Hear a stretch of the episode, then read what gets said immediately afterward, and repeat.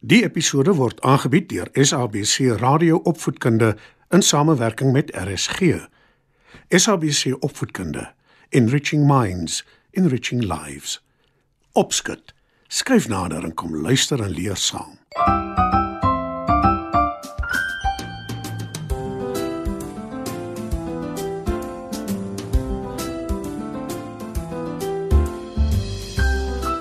Goeienaand maats, welkom by Opskud. Ek is seker almal van julle hou daarvan om lekker te lag. En om te lag is goed vir 'n mens, nie waar nie? Die slim mense wat weet, sê lag is goed vir jou gesondheid. Dokters reken as jy 'n slag lekker lag, is dit net so goed vir jou soos oefening. En ons weet almal hoe belangrik oefening is. Maar lag is nie net goed vir jou gesondheid nie.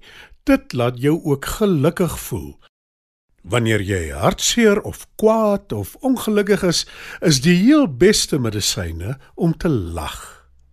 In vanaand se storie vertel ek julle van 'n prinses wat nooit gelag het nie. Lekker luister.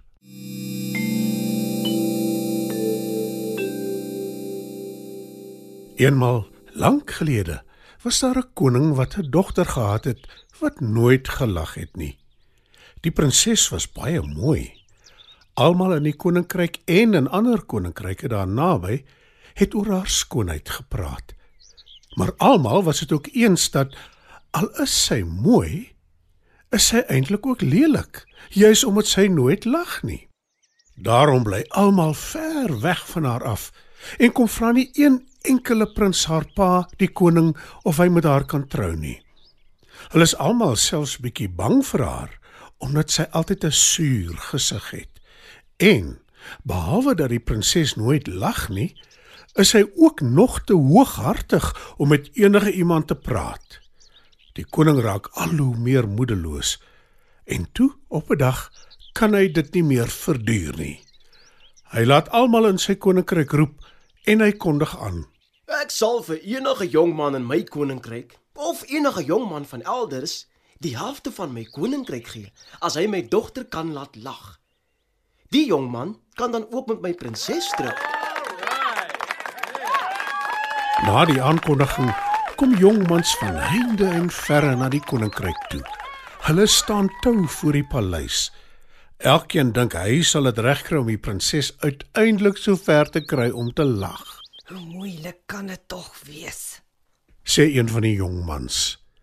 Elkeen van hulle probeer sy heel beste, maar nie een van die jongmans kry dit reg om die prinses te laat lag nie.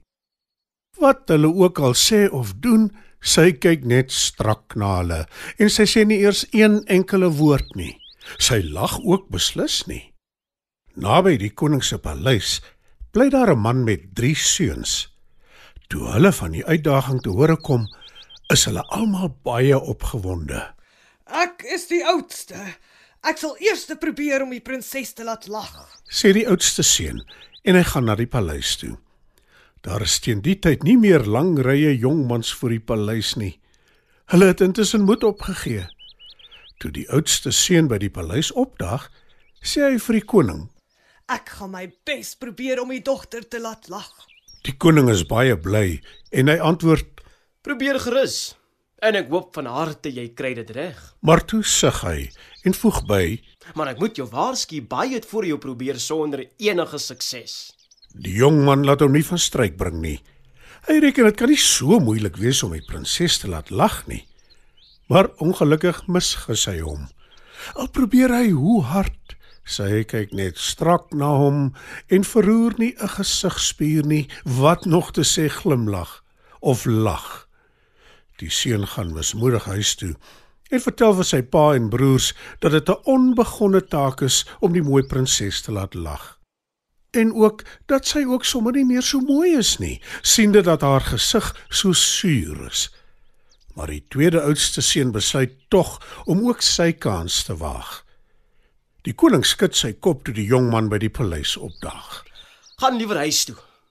Ek het vrede gemaak daarmee dat my dogter nooit sal lag nie. sê hy. Die jong man oortuig die koning dat hy ten minste kan probeer en die koning stem in. Hy verskyn voor die prinses en begin op een been dans. maar sy kyk net strak na hom. Toe doen hy nog allerlei toertjies, maar sy glimlag nie eers nie. Die jong man gaan te neergedruk huis toe en raai sy jonger broer, die derde seun, af om eers te probeer om die prinses te laat lag. Maar die derde seun wil ook tog gebeurd hê. Die volgende dag loop hy na die paleis toe. Op pad soontoe ontmoet hy 'n wyse ou vrou en sy het 'n gaans by haar.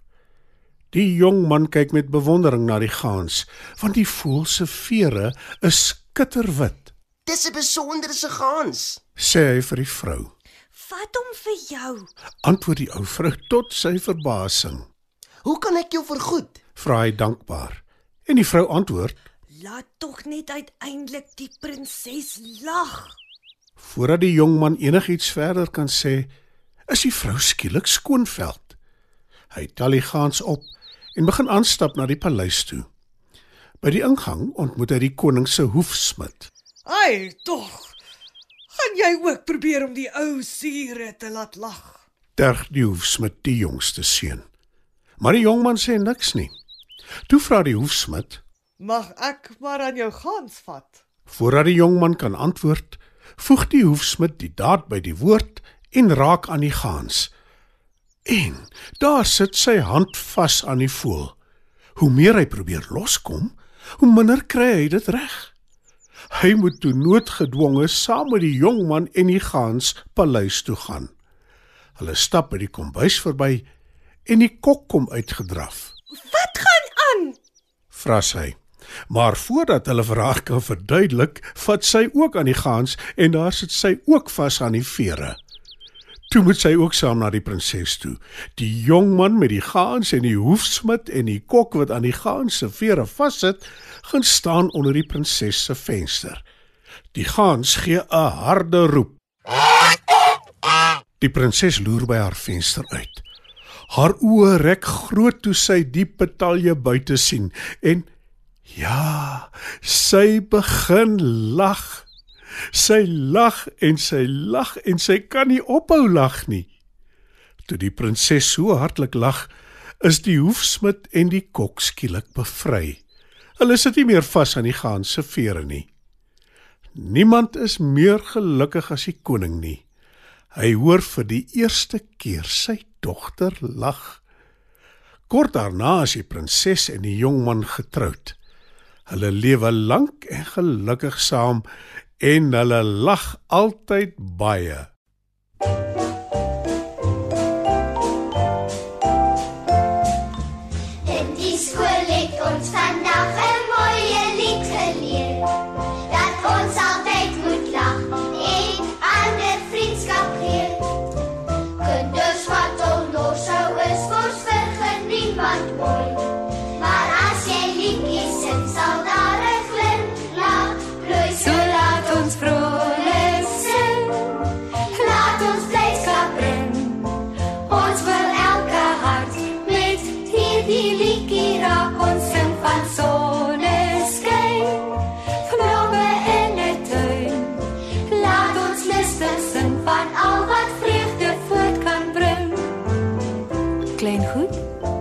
Het julle in die skool so mooi liedjie geleer. Dat julle altyd moet lag en ander vriendskap gee. Kinders wat onnorsou is, mos vergun niemand mooi. Maar as jy 'n liedjie sing, sal daar 'n glimlag plooi. So laat ons vrolik sing. Laat ons blydskap bring. Ons wil elke hart met hierdie liedjie raak ons sing van soneskyn. Vlomme in 'n tuin. Laat ons lustig sing van al wat vreugde voort kan bring.